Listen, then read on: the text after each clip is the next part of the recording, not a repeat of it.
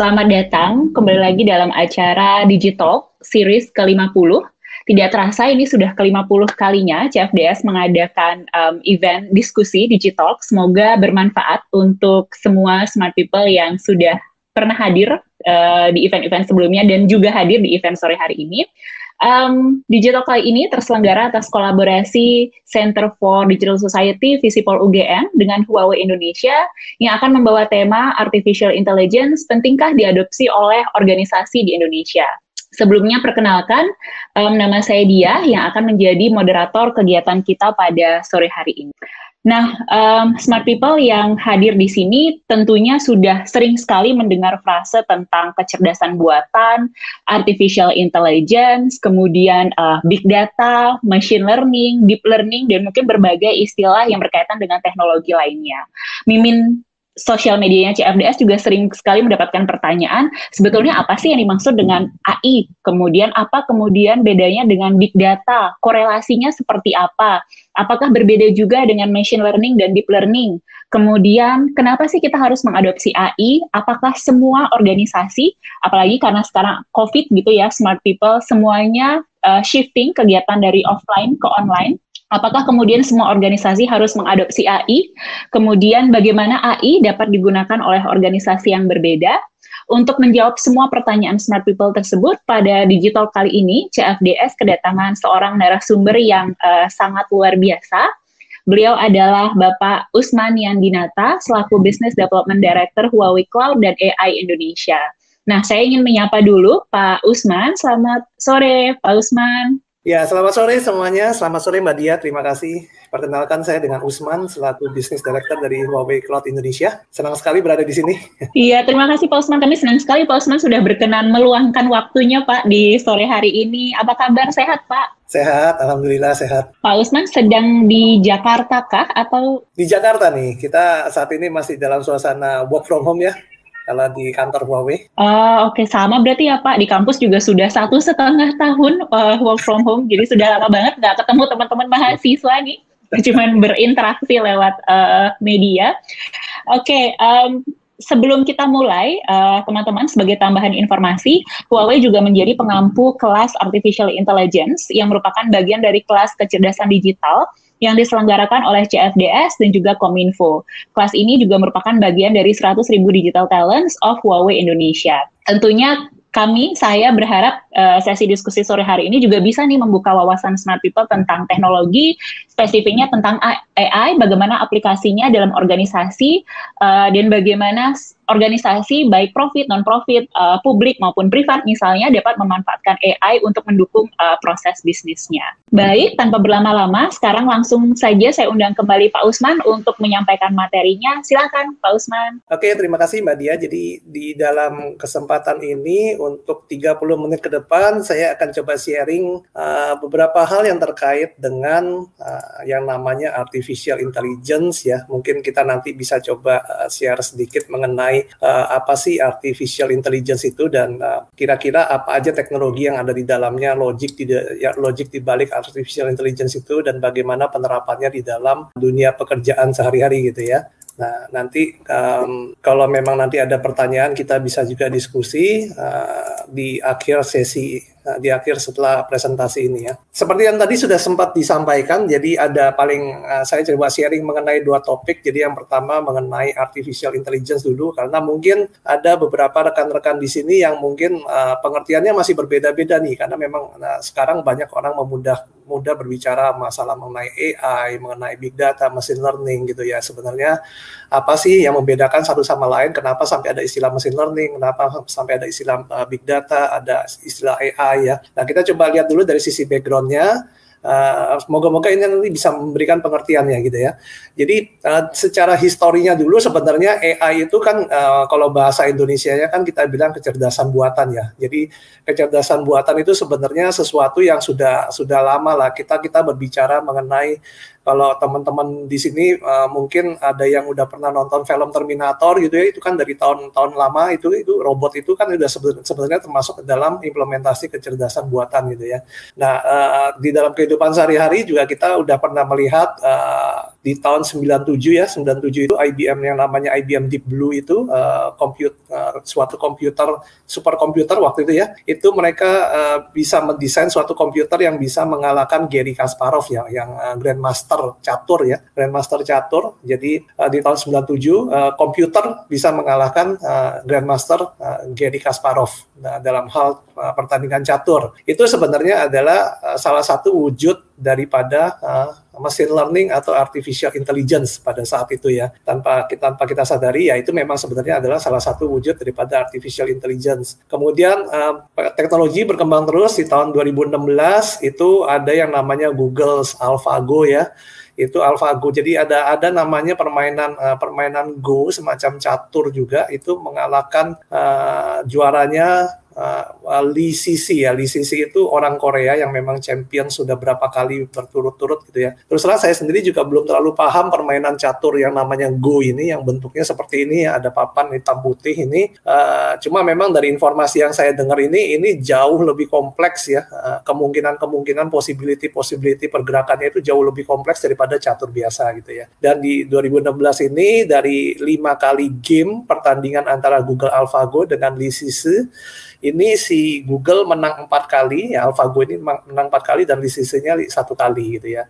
Jadi ini merupakan suatu pengembangan daripada teknologi AI di mana um, mulai bisa menganalisa gerakan yang jauh lebih kompleks daripada sekedar catur catur yang uh, catur yang internasional catur yang kita tahu ya dan cara bekerjanya sih memang kalau yang kita berbicara di tahun 97 ini kan uh, komputer itu diprogram dengan berbagai macam langkah-langkah catur ya. Kalau kuda jalannya ke mana, kalau kalau uh, ratu jalannya ke mana, raja ke mana, benteng ke mana, itu semua diprogram ya. Algoritmanya sudah dimasukkan semuanya. Jadi uh, pretty sebenarnya si komputer itu sudah terpatron atau terpatri uh, pergerakannya catur itu ke mana aja dan pada tahun 97 memang si superkomputer Deep Blue ini memang cuma diprogram spesifik khusus untuk catur gitu ya. Nah, pengembangannya di tahun 2016 ini si komputer ini bisa lebih mengerti karena pergerakannya si permainan catur yang namanya catur Go ini lebih lebih acak gitu ya. Lebih acak dan nggak ada pattern-pattern tertentu seperti catur. Kalau catur kan kudanya bergerak udah ketahuan ke mana ya. Tapi kalau yang pergerakan kotak hitam putih ini benar-benar sesuai dengan analisa manusia. Dia bisa bergerak di mana-mana aja gitu ya. Jadi sangat kompleks. Nah, yang menariknya dari tahun 97 ke 2016 ya ini kan ada sekitar jeda sekitar hampir 20 tahun ya uh, sampai ada pengembangan berikutnya. Tapi kalau kita perhatikan di tahun 2016 ke tahun 2017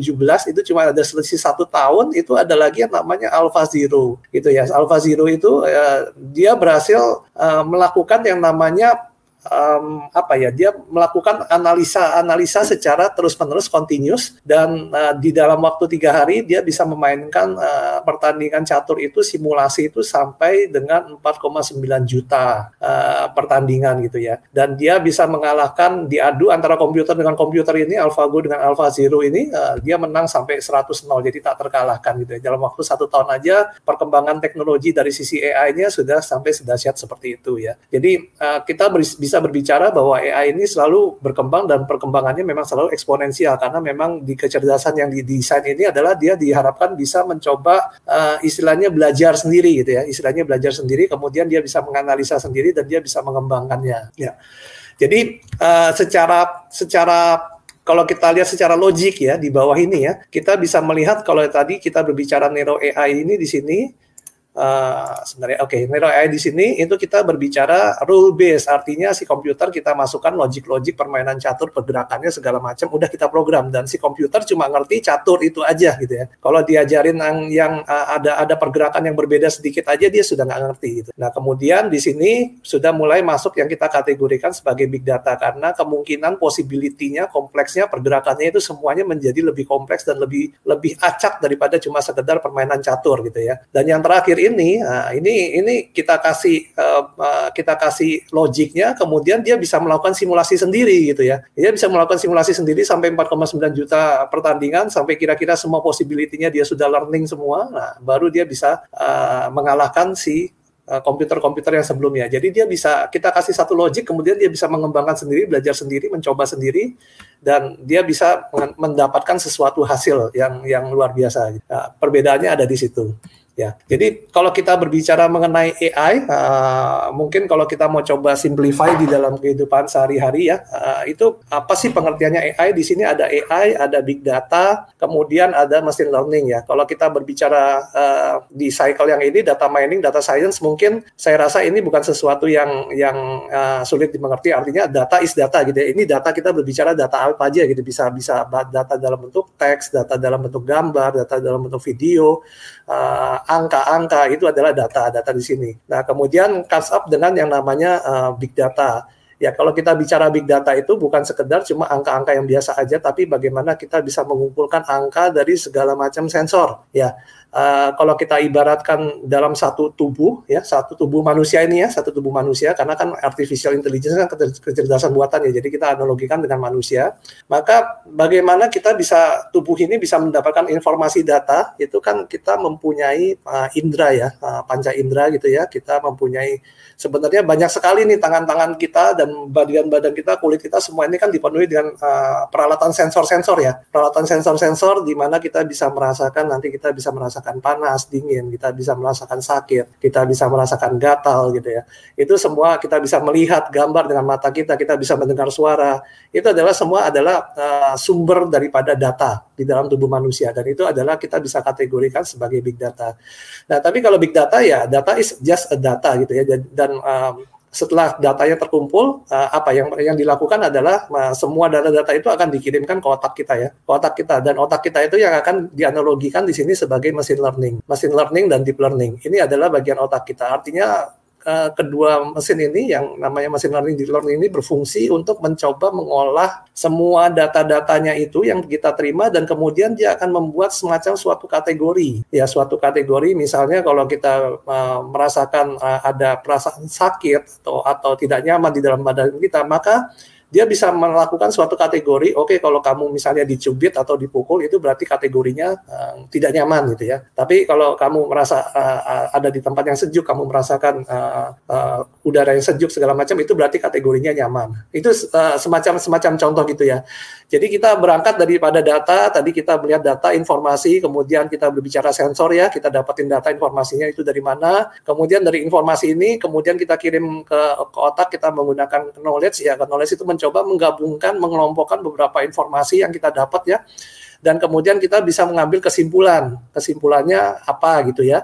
Dan yang terakhir adalah wisdom. Wisdom ini kita berbicara bagaimana uh, dari kesimpulan-kesimpulan yang kita dapat, yang kita punya, yaitu kita bisa mengambil suatu keputusan atau tindakan Ya, itulah yang namanya artificial intelligence. Jadi artificial intelligence itu adalah sesuatu rangkaian mulai dari kita dapatin data, kemudian kita kita mengolahnya, kita mencoba mengumpulkannya sampai sampai akhirnya kita bisa ngambil kesimpulan, oke, okay, saya harus melakukan ini, saya harus melakukan itu. Saya harus bergerak ke kiri, saya harus bergerak ke kanan. Itu itu adalah bagian daripada yang kita namakan sebagai artificial intelligence gitu ya. Jadi pengertiannya apa bedanya artificial intelligence, apa bedanya machine learning, apa bedanya big data, mungkin uh, hopefully dari dari hal dari hal ini contoh-contoh seperti seperti ini bisa memberikan gambaran gitu ya di mana kita bisa menempatkannya artificial intelligence. Nah, sekarang uh, kita mencoba lagi ada beberapa terminal terminologi tadi ya big data. Contohnya big data itu adalah uh, big data itu apa sih ya? Ini ini salah satu contoh aja penggunaan big data ya. Kalau kalau kita uh, back lagi di di tahun 2000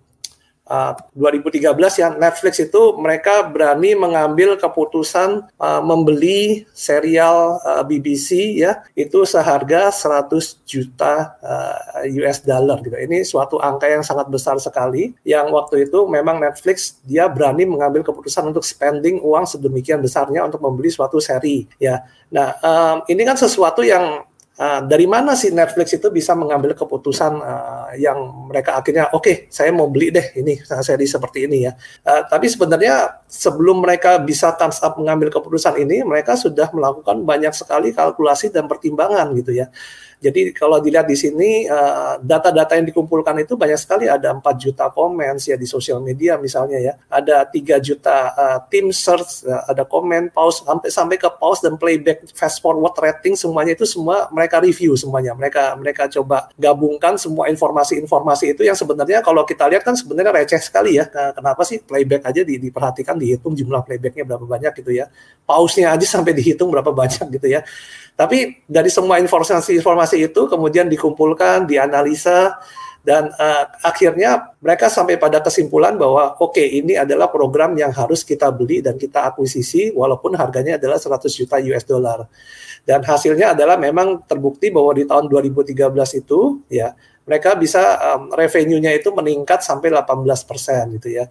Dan itu merupakan big money buat mereka dan mereka juga dapat sebanyak 3 juta ya, 3 juta new streaming user. Jadi penonton baru sebanyak 3 juta. Ya, itu merupakan suatu impact yang mereka dapatkan uh, karena mereka bisa memanfaatkan uh, big data. Ya, dan kesimpulannya yang menarik adalah di sini bahwa 93% daripada human behavior sifat manusia itu predictable. Ya, jadi uh, itu tujuannya kenapa kita memiliki big data. Ya, big data itu berarti adalah suatu kumpulan data yang sangat banyak sekali, sangat besar sekali. Apa-apa aja data-data itu, basically big data itu akan um, kita bisa kategorikan uh, harus paling tidak memenuhi empat empat kategori di sini, yaitu ada volume, ada variety, ada velocity, dan ada value. Ya, nah yang volumenya itu kita berarti ya namanya volume ya berarti datanya itu size-nya itu sangat besar sekali gitu ya. Jadi uh, basically data itu nggak akan bisa ditampung di dalam penyimpanan atau storage yang biasa yang cuma cuma biasanya berapa tera gitu ya udah penuh ya.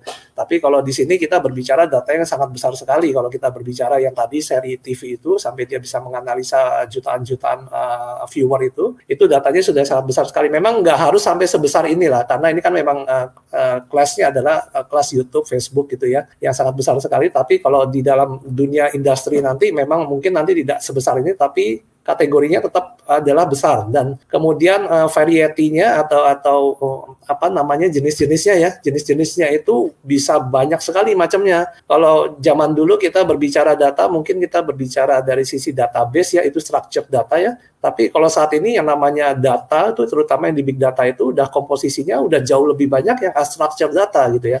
Unstructured data itu data-data yang bisa anything, bisa berupa teks, bisa gambar, bisa video ya. Itu termasuk dalam kategori unstructured data dan itu uh, porsinya sampai 80% uh, melawan structured data yang hanya 20% gitu ya. Dan yang ketiga adalah velocity. Nah, ini yang menarik di sini adalah velocity ini di sini adalah kebutuhan akan data secara instant. Itu semakin lama semakin berkembang sampai saat ini kalau bisa kita mendapatkan informasi data itu dalam bentuk real time ya.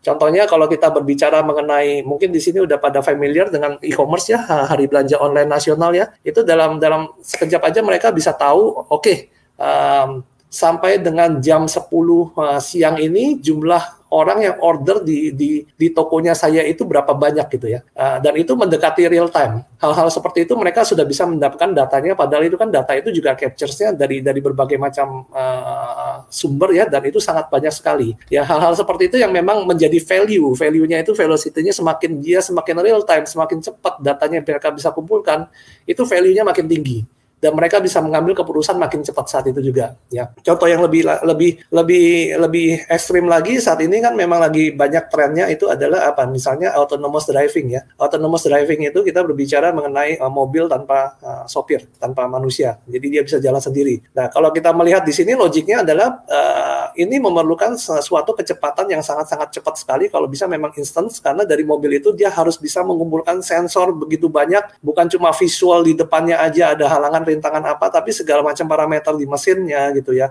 Segala macam parameter kecepatan gitu itu itu mereka harus mengumpulkan semuanya dalam waktu singkat dan mereka harus bisa mengambil kesimpulan pada saat itu juga gitu ya. Uh, kalau bisa dalam dalam tempo 0, berapa milisecond itu mereka udah bisa harus mengambil keputusan. Oke, okay, mobil ini harus belok kiri, mobil ini harus belok kanan, uh, mobil ini harus rem, mobil ini harus jalan.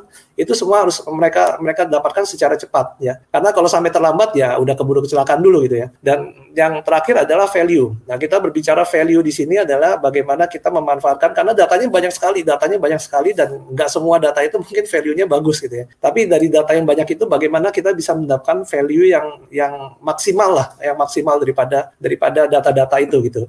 Jadi ini adalah hal-hal yang mengkategorikan uh, uh, apa sih yang kita bisa kategorikan sebagai uh, big data gitu ya dan bedanya apa dengan data-data yang yang tradisional yang biasa gitu ya. Nah, itu mengenai pengertian big data, terus tadi ada satu lagi mengenai pengertian mengenai machine learning. Nah, machine learning itu juga uh, kemudian mereka itu belajar dari uh, dasarnya itu memang dari semua data-data ya. Jadi ingat tadi kalau analoginya kita tubuh manusia, kita mendapatkan data-data itu dari semua sensor-sensor di badan kita. Uh, penerapannya di dalam dunia sehari-hari juga kita bisa dapatin banyak data dari segala macam. Tapi setelah data itu didapat terus mau diapain gitu ya. Kalau dalam hal tubuh manusia kan data itu semua dikirim ke otak ya. Nah kalau dalam hal mesin ya berarti data-data itu harus diolah gitu. Setelah mereka dapat kumpulin data semua itu mereka harus diolah uh, dalam suatu algoritma yang memang sudah didesain untuk mesin learning. Yang paling simpelnya biasanya machine learning itu kita berbicara mengenai ada tiga algoritma. Yang pertama itu adalah unsupervised learning. Unsupervised learning itu berarti dari setiap data yang diterima, mereka cuma kategorikan atau dikelompokkan ya. Kategorikan, dikelompokkan, dikumpulkan ya. Jadi kalau dalam hal seperti ini, contohnya bina, ada ada ada foto seperti ini ya, ya. Ada anjing sama kucing, tapi si si mesin learning kan nggak tahu ini anjing atau kucing dia nggak tahu ya. Tapi cuma yang pasti dia bisa mencoba mengkategoriskan, mengkategoris, ya mengumpulkan. Jadi kalau misalnya yang kucing seperti ini, dia bisa kumpulkan, oh ini yang di tengah ini adalah kucing ya, yang kucing oba-oba sama kucing hitam, tapi dia nggak tahu kucing, jadi cuma dia cuma bilang oh ini adalah tipe C ya. Kemudian yang di yang di sebelah kiri, tengah sama kanan ini adalah tipe D ya. Mungkin karena dia bisa menganalisa dari sisi size-nya mungkin berbeda, ini sama ini sama. Kemudian telinganya dua ini lancip ya, kalau kucing lancip, kalau anjing telinganya turun gitu ya. Jadi dia bisa mencoba mengkategorisnya. Ini yang disebut dengan unsupervised learning. Jadi mesin nggak tahu ini apa, bentuknya apa, tapi dia bisa tahu bahwa yang oh yang yang seperti ini adalah uh, tipenya tipenya sama, yang yang ini tipenya berbeda gitu ya. Dan dia meng, men, mencoba mengelompokkan gitu ya. Nah, algoritma yang kedua yang lebih sedikit lebih advance yang adalah yang diberi nama supervised learning. Jadi uh, mirip dengan yang pertama, tapi di sini kita memberi nama label. Jadi setiap data-data yang masuk itu kita coba kasih nama label. Kita kasih label. Ya, jadi ada gambar kucing begini kita kasih nama. Oh, ini namanya gambar kucing gitu ya. Jadi si si si mesin itu bisa tahu nanti kalau ketemu gambar binatang yang seperti ini, oh ini ini 99% ini kucing ini namanya gitu ya. Jadi dia bisa tahu. Uh, kemudian yang seperti ini namanya uh, uh, yang ini bukan bukan kucing nih karena beda nih gitu ya. Jadi dia bisa mulai mengerti ya. Jadi di dalam big data sehari-hari uh, kalau memang nanti kita sudah berkecimpung dengan dunia data itu biasanya nanti ada data engineering juga yang mereka tugasnya adalah memberikan label label untuk setiap data-data uh, yang mereka punya. Kebanyakan sih memang dalam bentuk gambar ya. Kalau kita mau mengidentify suatu suatu produk misalnya botol kecap sama botol saus gitu ya, itu kita harus kasih uh, uh, kasih tahu dulu nih kalau bentuknya seperti ini, lonjong panjang itu namanya adalah botol kecap gitu ya. Kalau yang agak pendek gemuk itu namanya botol saus misalnya kayak begitu. Itu kita harus kasih nama semuanya supaya si mesinnya juga bisa bisa mengerti dan mengidentify. Nah, yang ketiga lagi untuk yang biasanya setelah diidentify mereka akan goes to the something yang lebih kompleks gitu ya. Ini ini matriksnya sudah berbeda. Artinya matriksnya kita bisa tambahkan sebagai uh, yang namanya kita memberikan bonus value ya. Jadi setelah kita kasih label, kita mengajarkan sesuatu dan kemudian kita kasih yang namanya reward. Ya, kita kasih namanya reward. Jadi ada satu matrix lagi, ada satu matrix yang kita tambahkan sebagai nilai daripada yang tadi cuma sekedar tag itu kita tambahkan satu nilai lagi. Jadi contohnya kalau di sini kenapa pakai gambar sirkus ya karena kita mengajarkan si macan-macan ini ya. Nah, kalau kalau hey macan kalau kamu bisa duduk berdiri seperti begini, nanti kamu saya kasih uh, apa misalnya daging bonus gitu ya. Jadi si macan ini tahu kalau misalnya si si orang ini menyuruh uh, uh, tongkatnya mengarah ke sini, maka dia udah sudah tahu harus uh, posisinya harus bagaimana karena dia sudah dikasih reward dan itu dilakukan selama berkali berkali berkali sehingga akhirnya dia sendiri bisa mengerti, dia sih bisa belajar dan bisa mengetahui, oh seperti ini berarti yang benar dan saya bisa mendapatkan reward gitu ya. Jadi hal-hal seperti ini yang kita bisa tambahkan di value-value di dalam machine learning uh, di dalam kehidupan sehari-hari seperti contohnya misalnya kita mau coba membuat mesin learning dalam hal uh, apa misalnya kalkulasi harga rumah ya harga tanah. Harga tanah misalnya saya saat ini ada di daerah Jakarta Barat harga tanah uh, eh, 100 meter persegi misalnya satu juta gitu ya misal aja ya. Nah kemudian uh, si mesin ini nangkep nih oh kalau 100 meter persegi adalah satu juta. Tapi tiba-tiba dia dapat data lagi nih di Jakarta Pusat ternyata 100 meter perseginya 2 juta. Oh gitu. Jadi jadi itu ada parameter lagi bukan cuma sekedar luas tanah dan harganya tapi dia juga ada parameter yang ketiga oh ternyata lokasi mempengaruhi mempengaruhi juga gitu ya. Jadi ada sesuatu yang yang bisa menambahkan uh, nilai-nilai kompleks. Dari situ nanti dia bisa mengira, dia, dia bisa memperkirakan si mesin bisa mempelajari tanah antara uh, Jakarta Barat dengan Jakarta Pusat. Jakarta Barat uh, 100 meter 1 juta, Jakarta Pusat 100 meter 2 juta. Berarti kalau di tengah-tengahnya ya kira-kira satu setengah juta lah gitu ya. Jadi dia bisa tahu seperti itu gitu. Itu hal-hal seperti itu yang dimaksud dengan sistem reward atau sistem corresponding bonus gitu ya. Dia bisa the based on historical dia bisa coba membuat prediksi-prediksi lagi. Ya. Nah, itu kita sudah tahu mengenai uh, big data, kita bisa tahu mengenai machine learning algoritmanya dan ini berkembang terus sampai akhirnya kita bisa comes up dengan yang namanya artificial intelligence gitu ya. Jadi positioningnya di mana artificial intelligence itu uh, memang ada di di layer yang paling atas ya kita bisa melihat di sini kalau kita berbicara mengenai ya otomatis yang paling bawah kita berbicara hardware lah ya. Hardware kita mungkin nggak terlalu uh, nggak terlalu diskusi terlalu banyak. Tapi kalau kita bicara big data dan machine learning itu basically mereka ada di dua dua layer yang paling bawah ini. Jadi tepat satu satu step di atasnya hardware itu adalah tempatnya big data dan juga uh, si machine learning ya mereka me, me, melakukan uh, big data itu ya berarti storage yang menampung semua data-data itu. Kita berbicara IoT, sensor-sensor juga ya yang mendapatkan big data itu ada di layer yang di sini. Machine learning ya udah mulai masuk sedikit programming ya. Kita tanamkan algoritma-algoritma tadi ya nah, sesuai dengan kebutuhannya. Kita tanamkan algoritma. Kemudian mulai dari situ kita bisa mengkelompokkan. Oke, okay, yang yang sebenarnya data-data yang berhubungan atau yang berhubungan untuk tugas-tugas image atau gambar-gambar ada di sini. Kita kumpulkan di sini. Kemudian yang berhubungan dengan suara-suara di sini. Ya, yang berhubungan dengan uh, natural language processing ya men, uh, translate uh, translate segala macam itu ada di sini yang untuk permainan di sini yang di data statistik ada di sini gitu ya. Ini kita mulai mengelompokkan mengkategorikan semuanya sampai terakhir kita bisa mulai menggunakan uh, AI-nya nih mengarah ke mana nih. Kalau kita berbicara mengenai gambar ya computer vision atau gambar itu berarti AI-nya kita bisa membuat suatu fungsi-fungsi yang dia bisa melakukan image recognition, bisa melakukan image processing. Ya, dia bisa mengerti image understanding. Image understanding itu jadi dia bisa mengerti suatu skenery misalnya oh kalau skenery ini adalah skenery yang ada di taman atau di outdoor atau di indoor di dalam ruangan, ya banyak digunakan di kamera ya. Mereka bisa auto detect kalau foto di ruangan outdoor itu settingnya kayak gimana ya. Itu sebenarnya adalah di belakangnya sudah mereka sudah tanamkan image understanding seperti ini gitu. Dan kemudian ada uh, kalau bagian suara ya ada audio recognition ya. Nanti pengembangannya tentu saja sampai ke ke chatbot chatbot gitu segala macam ya ada ada yang seperti di iPhone ada Siri gitu ya itu termasuk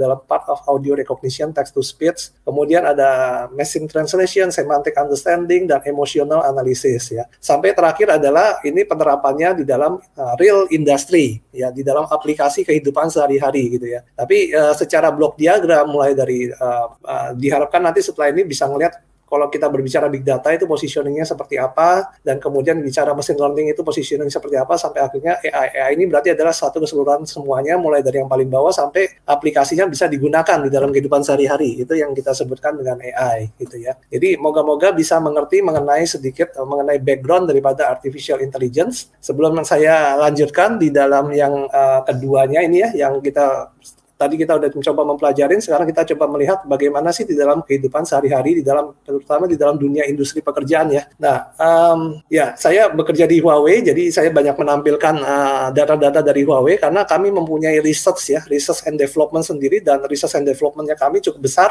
Secara employee hampir uh, lebih dari separuh lah, lebih dari separuh uh, karyawan Huawei itu adalah uh, karyawan research and development gitu. Jadi kita sangat-sangat rajin melakukan research and development. Uh, kita memiliki data dan dan kesimpulan kesimpulan bahwa di tahun 2025 nanti ya dari, dari research yang, research yang sudah kita lakukan itu um, yang namanya AI ya kita kategorikan kita pakai bahasanya di sini namanya intelligent world ya intelligent world itu itu sangat-sangat um, dia punya akuisisinya teknologi AI itu sangat-sangat cepat sekali bahkan lebih cepat daripada yang kita perkirakan sebelumnya gitu ya. Di mana di sampai tahun 2025 lebih dari separuh populasi dunia itu kita perkirakan sudah menggunakan teknologi yang namanya 5G ya. Dan kemudian 10% itu sudah menggunakan yang namanya virtual reality atau augmented reality yang sekarang cuma sekedar digunakan di games-games biasanya. Tapi di tahun 2025 10% uh, populasi ini, ini berbicara jumlah yang cukup besar ini 10% ini ya. Dan juga uh, most aplikasi itu running di dalam uh, teknologi yang namanya cloud gitu ya. Jadi uh,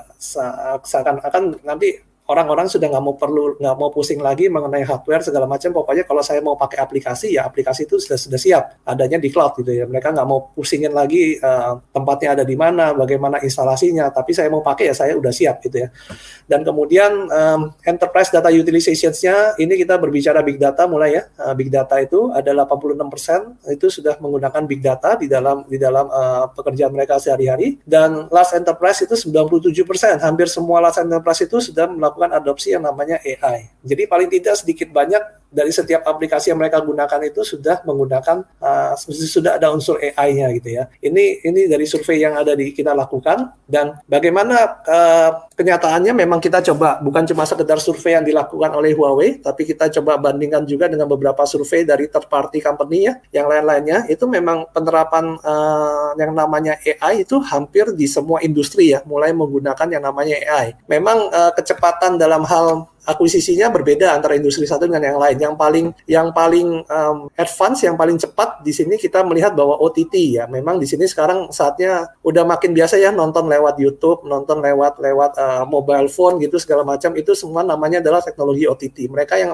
yang memimpin saat ini dalam hal uh, penggunaan AI ya kemudian dalam hal telekomunikasi dan kemudian yang disusul oleh media dan akhirnya banking ya. Banking ini kita berbicara mengenai uh, financial technology. Saya rasa ini juga kelihatannya sudah kelihatannya kalau buat teman-teman semua sudah pada tahu ya uh, bagaimana teknologi keuangan sekarang kita bisa belanja menggunakan wallet gitu segala macam digital wallet maksudnya. Uh, itu merupakan penerapan daripada AI juga gitu semuanya ya. Uh, digital banking juga sudah mulai uh, menjamur di Indonesia gitu ya. Dan industri-industri yang lainnya basically mereka mulai picking up picking up, picking up kepada industri-industri lainnya, tapi intinya adalah nanti ke depannya hampir semua industri itu akan menggunakan AI, terutama didorong oleh uh, kejadian pandemik saat ini yang memaksa semua orang harus mencoba merubah cara kerjanya yang tradisional menjadi lebih lebih digital gitu ya. Ini yang kejadian real kejadian saat ini gitu ya. Dan another another data juga data-data yang lain yang kita temukan juga menarik juga karena kita bisa melihat di sini uh, industrinya tadi seperti itu, riset dari Huawei adalah seperti itu, tapi ternyata kenyataan di lapangan juga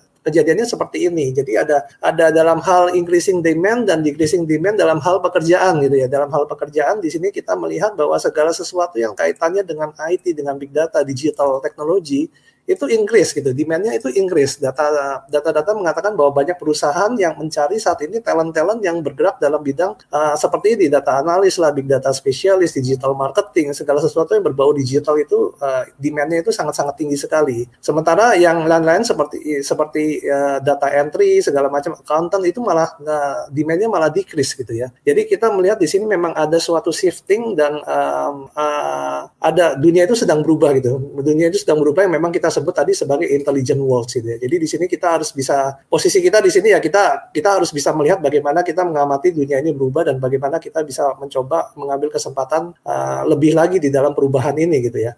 Nah, uh, dari sini kita bisa melihat bahwa paling tidak dalam hal menuju ke intelligent world yang tadi kita sebut intelligent world itu, paling tidak kita bisa melihat ada tiga hal. Tiga hal di sini ya. Yang pertama adalah all things sensing, yang kedua adalah all things intelligence dan yang ketiga adalah all things connected. Ya, tiga hal ini adalah yang menjadi komponen uh, di dalam pembentukan suatu uh, komunitas yang kita namakan sebagai intelligent world. All things sensing sini apa sih? Ini kita berbicara tadi sebagai sensor nih kalau kita bicara badan manusia, maka ini adalah semua hal-hal yang uh, bersifat sensor-sensor yang mengumpulkan big data. Jadi apa contohnya? Ya itu kita berbicara semua IoT lah, IoT device itu ya. IoT device mulai dari uh, CCTV, mulai dari apa misalnya jam tangan smartwatch ya itu semua sensor-sensor yang ada di misalnya di mobil kita itu semuanya adalah part of the IoT. Bagaimana kita bisa mendapatkan informasi dari semua sensor-sensor tersebut, sensor udara, sensor uh, kalau yang di pertanian mungkin dia bisa mengecek sensor keasamannya tanah gitu ya. Itu semuanya adalah part of alt kita membuat yang namanya alting sensing gitu ya. Dan kemudian balik lagi setelah kita dapat datanya ya kita bagaimana kita bisa mengolah data itu dengan menggunakan yang namanya uh, machine learning dan AI gitu ya. Jadi kita mencoba mengolah uh, dan kemudian yang penting adalah kita bisa membuat semuanya itu adalah terhubung satu sama lain ya. Di sini yang kita bicara mengenai all things connected uh, koneksinya juga harus bagus harus mumpuni gitu ya. Jadi di sini yang nanti peranan 5G itu akan semakin kelihatan bahwa ya, 5G itu bakal menjadi memegang komponen yang penting di dalam membuat intelligence world gitu ya. Nah, dari sisi Huawei sendiri, kita sudah mengetahui tren-trennya adalah seperti itu. Jadi kita mencoba juga menerapkan visinya Huawei itu supaya kita bisa menerapkan semua tren-tren itu dan kita bisa memiliki suatu porsi atau suatu bagian atau sumbangsi di dalam menciptakan intelligent world gitu ya. Jadi Huawei memang semenjak tahun eh, kurang lebih sekitar tahun 2017 kita sudah mencoba mengubah directionnya kita. Kita sebagai ICT company kita mulai menerapkan uh, yang namanya AI ya, uh, cloud AI dan juga 5G itu sebagai key uh, strateginya Huawei untuk ke depannya karena kita tahu bahwa tiga komponen inilah yang akan nanti menjadi uh, faktor-faktor yang menjadi drivernya gitu ya penggerak utamanya dalam hal menciptakan intelligent world gitu ya. Kita berbicara connectivity di sini kita berbicara mengenai 5G dan bahkan saat ini sudah mendalam uh, dalam pengembangan yang 6G juga ya. Kita berbicara intelligence, kita berbicara AI di sini ya. Kita berbicara experience, personalized experience ini kita berbicara bagaimana kita bisa um, bisa melakukan analisa. Ini personalized experience ini berarti kita dari setiap teknologi AI yang digunakan oleh oleh para pengguna itu ya mereka nonton mereka nonton movie segala macam itu segala nanti itu akan nanti akan dikumpulkan kembali ya dikumpulkan kembali data-datanya sebagai input dari big data dan kemudian diolah lagi ya jadi nanti lama-lama si si AI ini bisa tahu kalau saya seorang pria umur 40 tahun itu nontonnya itu sukanya nonton-nonton film action gitu ya. Nanti itu akan menjadi suatu hal yang bersifat personalized buat saya. Kalau nanti saya nanti masuk lagi ke aplikasi itu, dia akan menampilkan uh, pilihan-pilihan film action gitu. Itu yang namanya personalized experience. Yang personalized yang yang saya yang saya lihat itu adalah yang memang sesuai dengan apa yang saya mau gitu ya iklan-iklannya juga sesuai dengan apa yang saya mau gitu ya. Dan yang terakhir adalah digital platform. Jadi pada saat kita menggunakan semuanya ini, itu kita berarti kita harus memiliki platform yang fleksibel juga. Artinya kita harus punya platform yang bisa diakses dari mana pun. Ya kita nggak bisa lagi uh, kalau saya uh, menggunakan smart mobil ya mobil yang pintar gitu, mobil yang cerdas. Uh, kalau misalnya sistemnya cuma ada di Jakarta, saya mau keluar Jakarta itu akan jadi masalah nanti gitu ya. Saya nyetir keluar Jakarta akan jadi masalah. Jadi kita berbicara digital platform di sini kita berbicara sebenarnya adalah cloud platform yang memang harus bisa diakses uh, dari mana pun juga dengan connectivity yang memang sudah tadi ada ya 5G gitu segala macam gitu ya. Nah ini adalah salah satu komponen-komponen semuanya di mana kita bagaimana membuat intelligence world gitu ya. Di Huawei sendiri saya sedikit sedikit share mengenai teknologi yang ada di Huawei ya. Uh, kita mempunyai namanya platform cloud dan di dalamnya itu sudah ada namanya platform AI yang kita namakan adalah model arts di sini ya. Uh, ini sebenarnya sesuatu platform yang kita siapkan untuk semua untuk untuk uh, para pemain machine learning, para pemain uh, artificial intelligence kalau mereka mau coba mem memprogram atau membuat logik algoritmanya AI-nya sendiri itu bisa menggunakan platform yang sudah ada ini namanya model arts ya. Model arts ini di mana nanti di dalam model arts ini sudah ada banyak sekali template-template yang berupa data dan juga knowledge ya. Jadi bukan cuma sekedar data aja tapi mereka juga punya namanya template-template knowledge.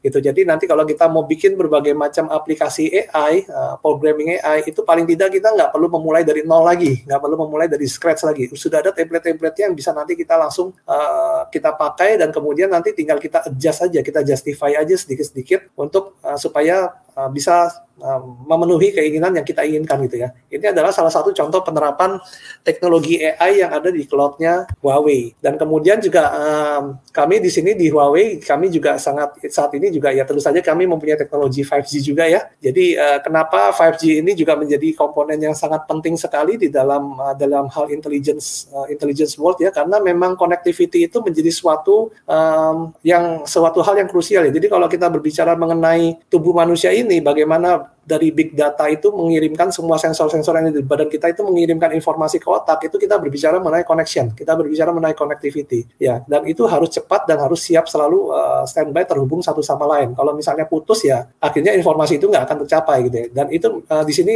5G memegang peranan penting karena karakteristiknya 5G itu ada tiga hal ini ya. Ada ada enhanced mobile broadband kita berbicara kapasitas bandwidth yang sangat-sangat uh, besar sekali jauh lebih besar daripada daripada 4G ya yang saat ini kita 4G ya. Kalau 4G itu paling kita bisa dapat sekitar 150 Mbps download speed, tapi kalau di 5G itu kita bisa berbicara sampai 10 giga gitu ya. Itu itu uh, signifikan sekali bisa sampai 10 kali lipat lebih cepat, lebih dari 10 kali lipat gitu ya. Dan kemudian kita berbicara massive connected things. Artinya jumlah yang terkonek ke ke ke masing-masing BTF BTS itu ya nanti ya itu akan sangat-sangat jauh lebih banyak daripada yang saat ini 4G. Kalau 4G itu kita mungkin berbicara mengenai uh, mobile phone aja ya, tapi kalau 5G ini kita berharap nanti akan ada banyak sekali perangkat-perangkat yang kecil-kecil ya yang kita sebut IoT itu sensor-sensor yang kecil-kecil itu itu mereka bisa langsung terkoneksi ke BTS BTS dan mereka bisa langsung ngobrol sekali. Jadi itu yang namanya massive connected things di sini. Ada banyak sekali nanti dan yang komponen yang terakhir yang penting adalah ultra low latency. Kita berbicara uh, tadi salah satu komponen big data ya, uh, kecepatan ya.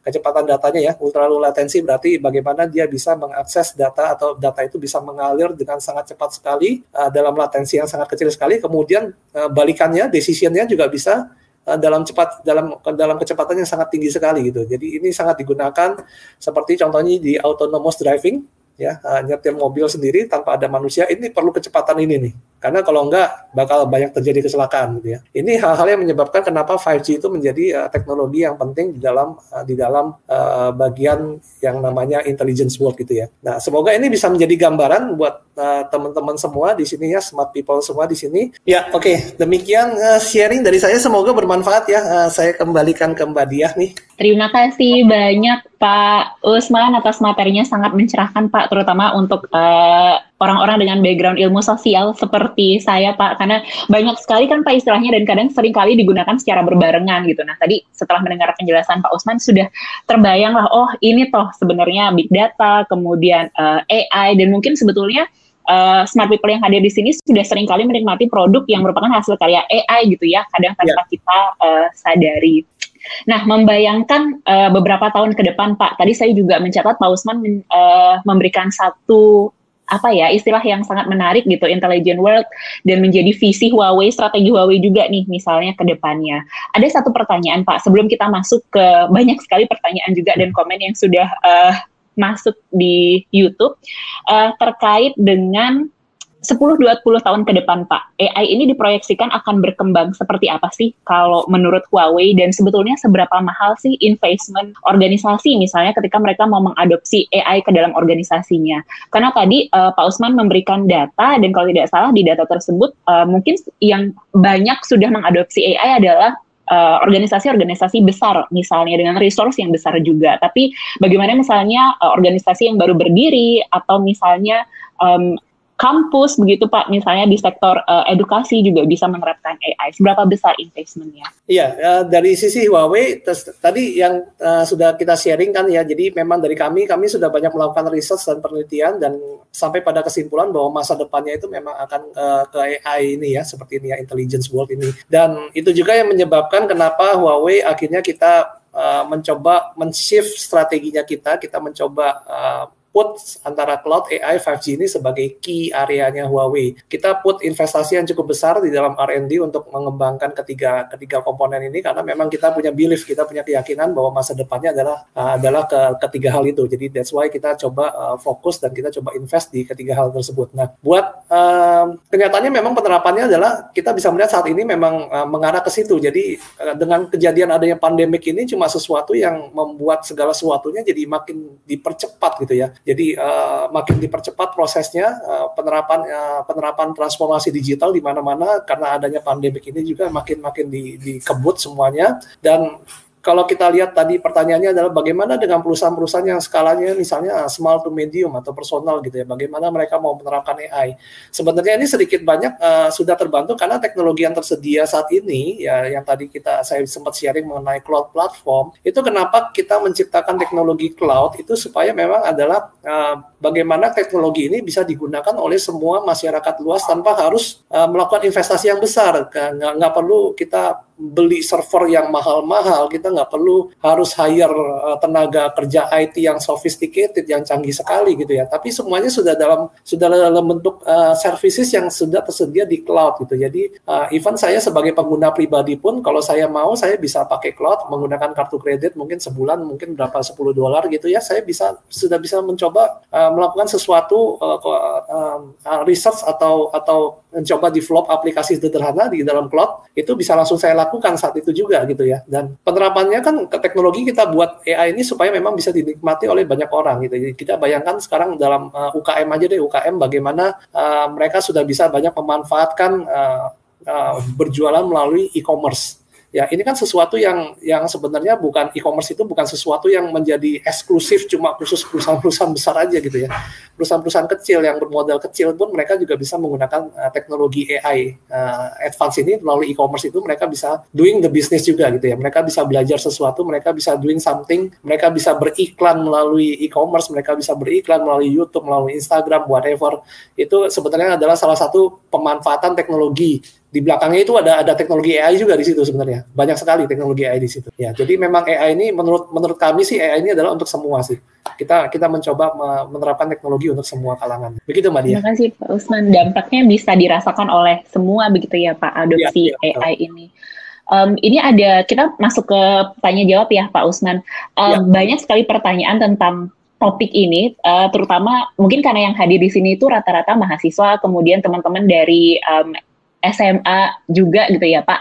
Ada kekhawatiran bagaimana nih kalau misalnya AI menggantikan manusia. Tadi juga Pak Usman kan sudah uh, memperlihatkan ya Pak bahwa ya. dengan adanya AI ada perubahan juga nih di demand terkait dengan skill dan misalnya pengetahuan ya. uh, pekerja nantinya. Ada pertanyaan dari Roida uh, SMKN 1 Ponorogo, apakah kemudian AI ini nantinya uh, kita harus khawatir nih kalau AI akan menggantikan uh, manusia. Dan ada juga uh, karena satu konteks gitu ya Pak tambahan apakah misalnya uh, maaf bagaimana peran manusia dan AI, bagaimana mereka membagi peran gitu dalam konteks uh, pekerjaan. Silakan Pak. Ya oke, okay. jadi uh, balik lagi seperti yang tadi sudah saya share, sebenarnya bukan berarti ada pengurangan pekerjaan ya, karena survei kami juga me me mencantumkan bahwa sebenarnya bukan pengurangan pekerjaan, malah uh, faktanya adalah penambahan pekerjaan gitu ya. Cuma memang bidang dan keahliannya yang memang kita bicara terjadi shifting tadi itu ya, shifting itu Artinya keahliannya yang memang sekarang lagi meningkatnya itu bukan bukan uh, mungkin sedikit berbeda dengan kalian yang kita mungkin balik ke lima tahun atau 10 tahun yang terakhir belakangan ini gitu ya. Jadi ada beberapa beberapa beberapa new jobs creations uh, seperti kayak contohnya big data analyst gitu ya itu kan sesuatu yang mungkin 5 atau 10 tahun yang lalu belum ada pekerjaan ini gitu ya. Nah, dengan adanya sekarang ini mulai jadi ada muncul yang namanya uh, pekerjaan uh, data engineer, big data analyst itu sesuatu yang baru dan di situ adalah sebenarnya uh, kalau buat teman-teman di sini yang masih pelajar, masih masih mahasiswa gitu ya, adalah suatu kesempatan nih, suatu kesempatan kalau kita bisa melihat menebak nih arah ke depannya mau ke mana ya, kita bisa mencoba uh, mulai mendalami ilmu-ilmu tersebut gitu ya. Dan dengan adanya kejadian AI digital platform sekarang ini, pandemik sekarang ini, uh, saya harus bilang bahwa uh, untuk mencari ilmu pengetahuan untuk belajar sesuatu yang baru itu sangat mudah sekali gitu ya. Jadi nggak boleh boleh dibilang hampir nggak ada halangan gitu. Kita tinggal buka internet, kita bisa bisa search di Google, kita bisa search di YouTube. Basically mau belajar mesin learning pun tutorialnya banyak gitu. Banyak sekali algoritma-algoritma yang sudah bisa digunakan langsung tanpa harus kita reinvent the wheel menemukan sesuatu. Jadi balik lagi ke dalam pribadi kita masing-masing. Uh, tapi yang yang pesan yang uh, secara secara ininya ya idenya adalah uh, jangan khawatir pekerjaan itu tidak akan habis ya. Uh, pekerjaan manusia itu tidak akan berkurang. Uh, faktanya adalah makin akan bertambah. Cuma sekarang bagaimana kita mau coba beradaptasi dan kita mau coba mempelajari akan hal-hal yang baru itu. Berani mengambil berani mengambil momentum, berani mengambil decisions. Oke, okay, ini kelihatannya saya harus uh, bertekad untuk mencoba ahli dalam hal misalnya uh, digital marketing ya atau saya harus bisa uh, bertekad misalnya di dalam hal data engineering atau uh, atau machine learning, programming segala macam itu hal-hal yang saat ini sedang on demand. Nah, kita kita kalau sudah bisa tahu seperti ini, kita bisa menganalisa, kita bisa coba coba mulai uh, mendalami itu gitu. Jadi nanti mungkin dalam satu dua tahun ke depan kita memiliki skill yang memang dibutuhkan di industri. Oke, mungkin uh, dengan ikut kelas AI oleh Huawei di mata kuliah kecerdasan digital juga boleh ya Pak. Ya. Promosi sedikit. Makasih Pak uh, Usman. Nah terkait tadi Pak Usman juga menyebutkan dalam konteks uh, pandemi begitu ya Pak. Uh, ya mau nggak mau kita shifting dari uh, offline ke online begitu juga organisasi. Ini ada pertanyaan juga Pak dari Muhammad Faisal di UGM khusus dalam konteks pandemi itu sebetulnya penerapan AI seperti apa sih Pak? Tadi mungkin Pak Usman sudah menjelaskan atau memberikan contoh yang di sektor uh, perbankan atau financial services gitu ya, ya Pak. Ya. Tapi kemudian yang terkait langsung misalnya dengan penanganan pandemi apakah juga uh, ada contohnya Pak? Oke, jadi kita ngambil contohnya yang uh, industrinya kesehatan ya. Uh, kalau kita mau bicara yang direct dengan pandemik ya. Jadi contohnya, contohnya seperti ini. Uh, kebetulan ya memang Huawei kita headquarter kita di China ya. Kita banyak belajar dari dari dari uh, case yang kita alami di China pada saat mereka di tahun 2020 awal-awal itu mengalami pandemik duluan ya uh, itu bagaimana penerapannya mereka menggunakan teknologi seperti ini. Uh, balik lagi pada saat waktu pandemik awal-awal baru mulai itu kita masih kebingungan bagaimana kita mendeteksi yang namanya COVID. Orang itu uh, positif COVID apa enggak itu kan tesnya pertama kali itu adalah menggunakan PCR ya. Uh, tahun-tahun awal dulu 2020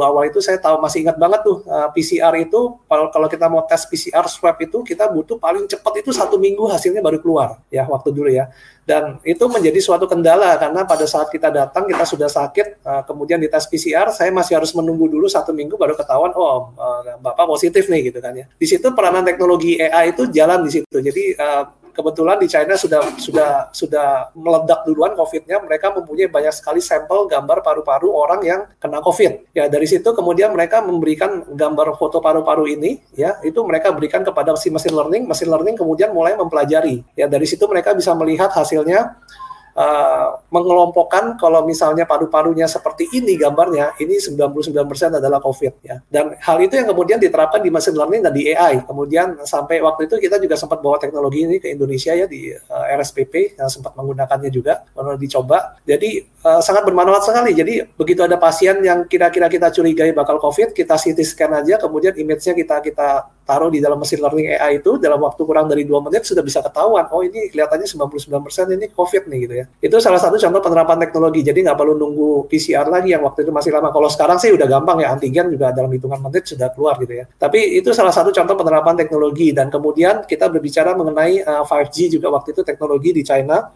Uh, bagaimana mereka bisa mencoba mendeteksi uh, China itu kan luas sekali ya, jauh lebih luas daripada Indonesia. Uh, penduduknya juga jauh lebih banyak. Uh, jumlah rumah sakit juga nggak mungkin bisa mengcover sampai ke daerah-daerah yang pelosok-pelosok. Yang mereka lakukan adalah mereka menggunakan mobile hospital. Jadi mereka bawa uh, satu mobil itu, mobil yang cukup besar itu ya, mereka bawa uh, keliling ke sampai ke daerah-daerah tersebut um, dengan sistem yang sudah cukup canggih gitu ya, deteksi segala macam itu sistemnya sudah cukup canggih. Itu kenapa bisa terjadi karena mereka menggunakan teknologi yang namanya 5G.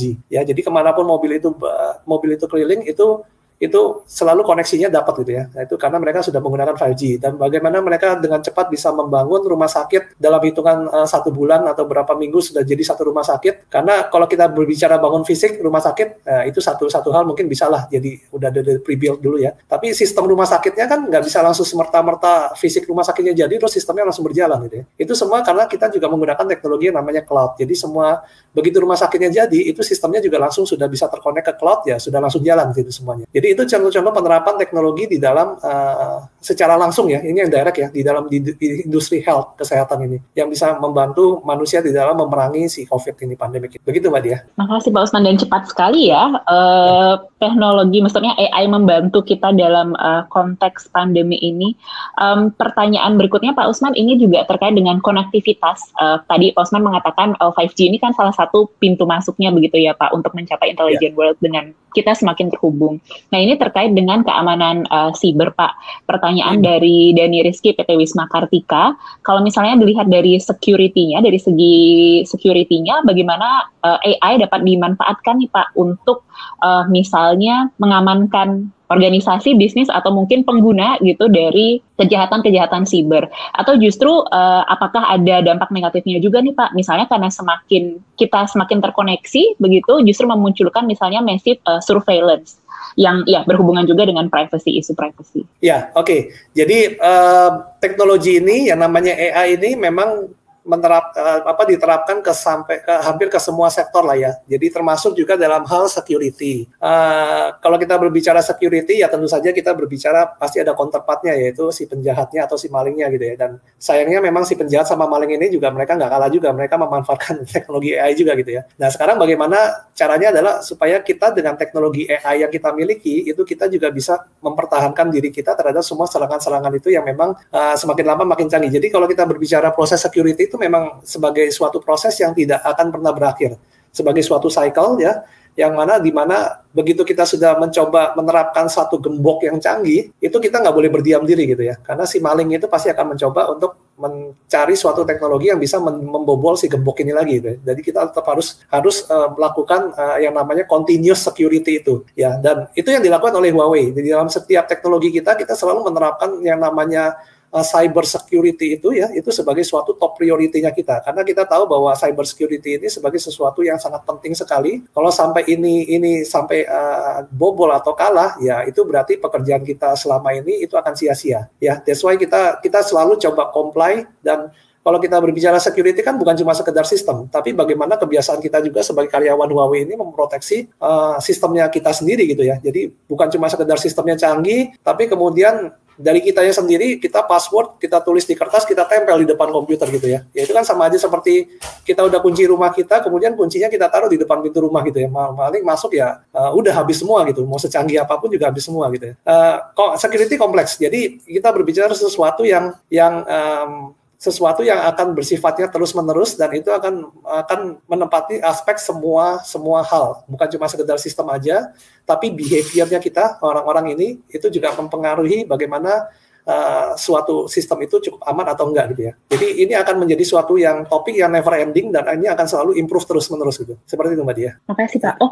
dan satu ya. lagi tadi Pak terkait dengan surveillance tadi, um, ya mungkin ini juga terkait dengan keamanan data ya Pak, karena semakin banyak data yang dikumpulkan dengan uh, connectivity tadi. Hmm. Oke, okay, jadi balik lagi ya kalau dengan dengan uh, surveillance ya atau keamanan data, uh, uh, balik lagi bagaimana kita mencoba. Yang jelas kalau dari setiap teknologi yang kita kita uh, gunakan semua data-data itu pasti kita jaga ya kita jaga. Uh, artinya kalau memang ada pengguna pengguna teknologinya Huawei maupun mobile phone atau apa pun cloud teknologi semua data itu pasti kita jaga dan itu kita namanya ada namanya teknologi enkripsi ya. Uh, teknologi enkripsi balik lagi teknologi enkripsi itu sesuatu yang saat ini uh, kita bisa menggunakan teknologi enkripsi yang canggih sekali yang secara secara teknologi memang nggak mungkin tidak memungkinkan seseorang bisa uh, melakukan decrypt kalau dia tidak tahu passwordnya atau kalau dia tidak tidak sembrono gitu ya. Uh, uh, membuka aplikasi sembarangan kemudian dititipkan dengan dengan virus-virus segala macam gitu ya. Itu sampai saat ini juga ada teknologi yang namanya blockchain ya. Blockchain itu juga salah satu cara untuk uh, bagaimana kita kita menjaga legalitas suatu data sehingga data itu nggak bisa dimanipulasi uh, even nggak bisa dihapus nggak bisa dihilangkan gitu ya. Itu akan akan selalu tertrack dan terrecord yang dengan teknologi blockchain ini. Tapi balik lagi uh, ya itu kuncinya kan ya Eh,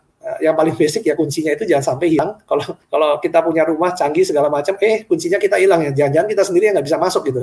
Kita nggak bisa masuk ke data atau kuncinya kita kasih taruh di mana, ditaruh orang lain, akhirnya orang lain yang bisa ngambil gitu ya. Jadi balik lagi uh, harus menjadi suatu kesatuan juga gitu ya. Blockchain sudah didesain sedikit yang lupa sehingga dia sangat-sangat eh, canggih sekali. Uh, sistem desentralisasi ada banyak sekali komputer-komputer yang terlibat di dalam hal mengamankan suatu data di dalam blockchain. Ya tapi balik lagi ada risikonya juga kalau sampai anda menghilangkan uh, passwordnya Anda, Anda lupa terhadap password Anda, jadi Anda bisa bilang ini goodbye juga terhadap data-data Anda gitu, karena nggak ada yang bisa bisa merecovery itu gitu. Seperti itu Mbak Dia.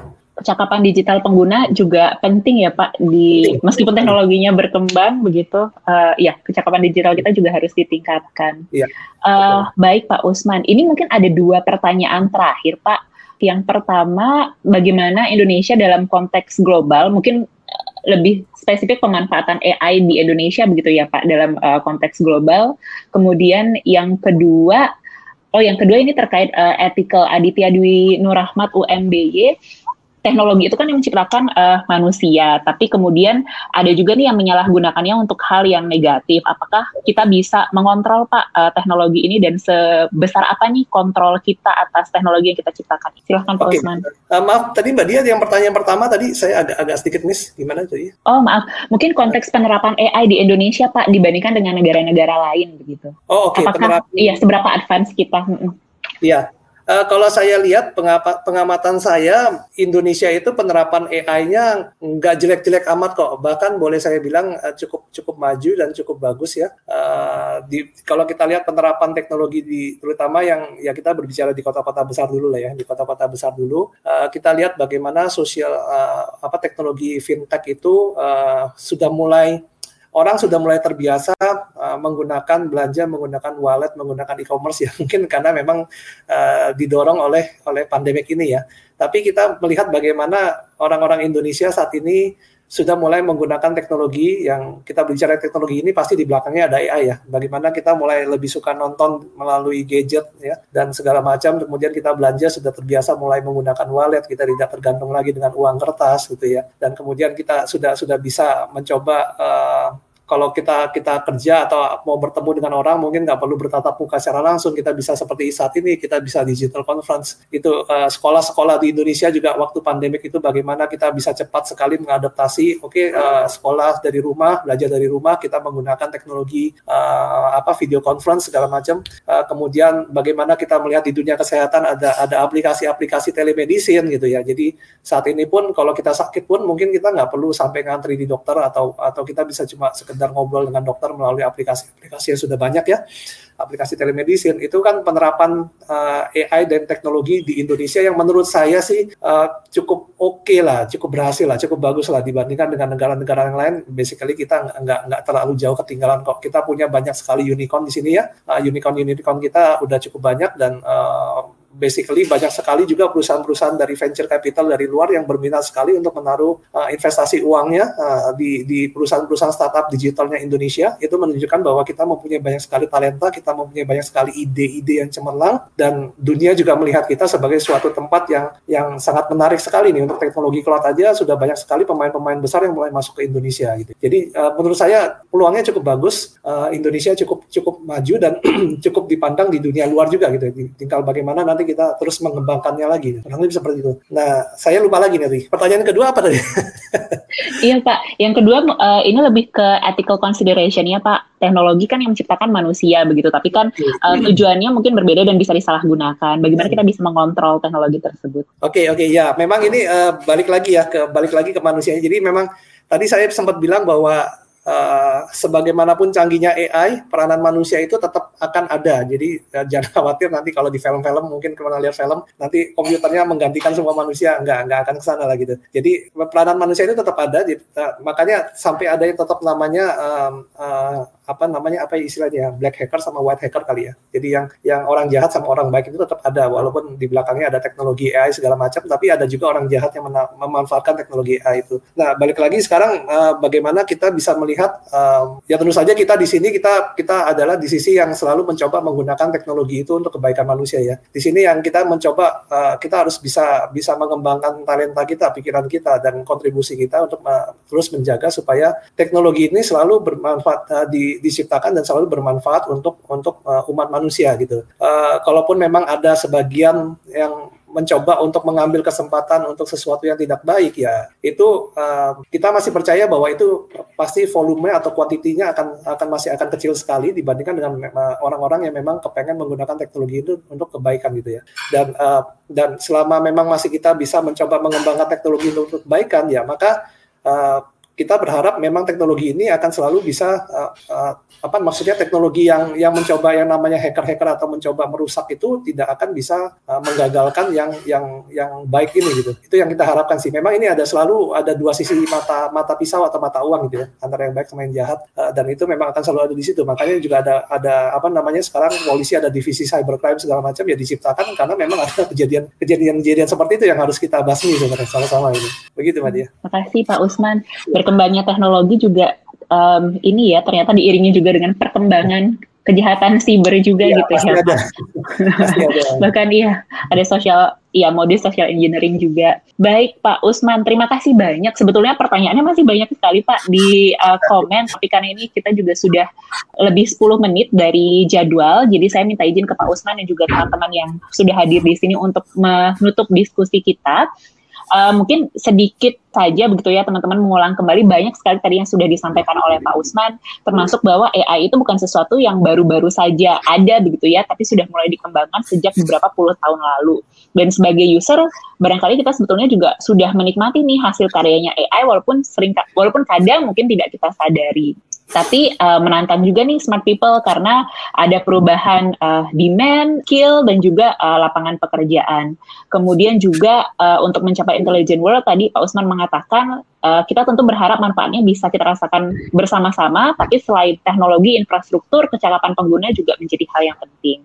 Nah, mungkin saya mengundang sekali lagi Pak Usman nih untuk memberikan satu closing statement untuk nutup diskusi kita sore hari ini. Silahkan Pak Usman. Ya, jadi gini ya, mungkin sedikit message dari dari kami aja ya. Jadi uh, uh, smart people di sini jangan takut terhadap yang namanya uh, segala kekhawatiran-kekhawatiran itu tadi ya nanti bagaimana komputer menghilangkan pekerjaan manusia nanti saya kerja apa dong itu. Tapi intinya adalah gini. Jadi uh, ini adalah suatu momentum yang yang namanya ada namanya transformasi digital terjadi di mana-mana dan sebaiknya memang kita jangan jangan menantang itu. Ya. Kita jangan jangan melawan itu tapi kita harus bisa menjadi bagian daripada digital transformasi digital itu. Artinya kita juga harus bertransform. Ya, kita harus juga bisa menerima oke okay, saat saat ini adalah yang yang lagi uh, in atau lagi berkembang, yang lagi dibutuhkan, yang lagi on demand adalah seperti ini dan dan itu yang sebaiknya menjadi tantangan bagi kita yang menjadi suatu penyemangat kita, buat buat kita semua ya untuk kita bisa mempelajari sesuatu yang baru ini dan kemudian kita dengan sesuatu yang baru itu kita bisa membangun sesuatu termasuk akhirnya membangun negara kita juga gitu ya. Jadi itu harapannya seperti itu. Jadi jangan takut terhadap yang namanya transformasi digital, ada AI segala macam penerapannya. Tapi justru bagaimana kita bisa istilahnya riding the wave gitu ya. Nah, perubahan ini kita ada di atas di atasnya si gelombang itu supaya kita bisa Uh, sama-sama uh, maju bahkan kita mungkin bisa lebih di depan lagi daripada daripada negara-negara yang lainnya. Seperti itu sih mbak Dia.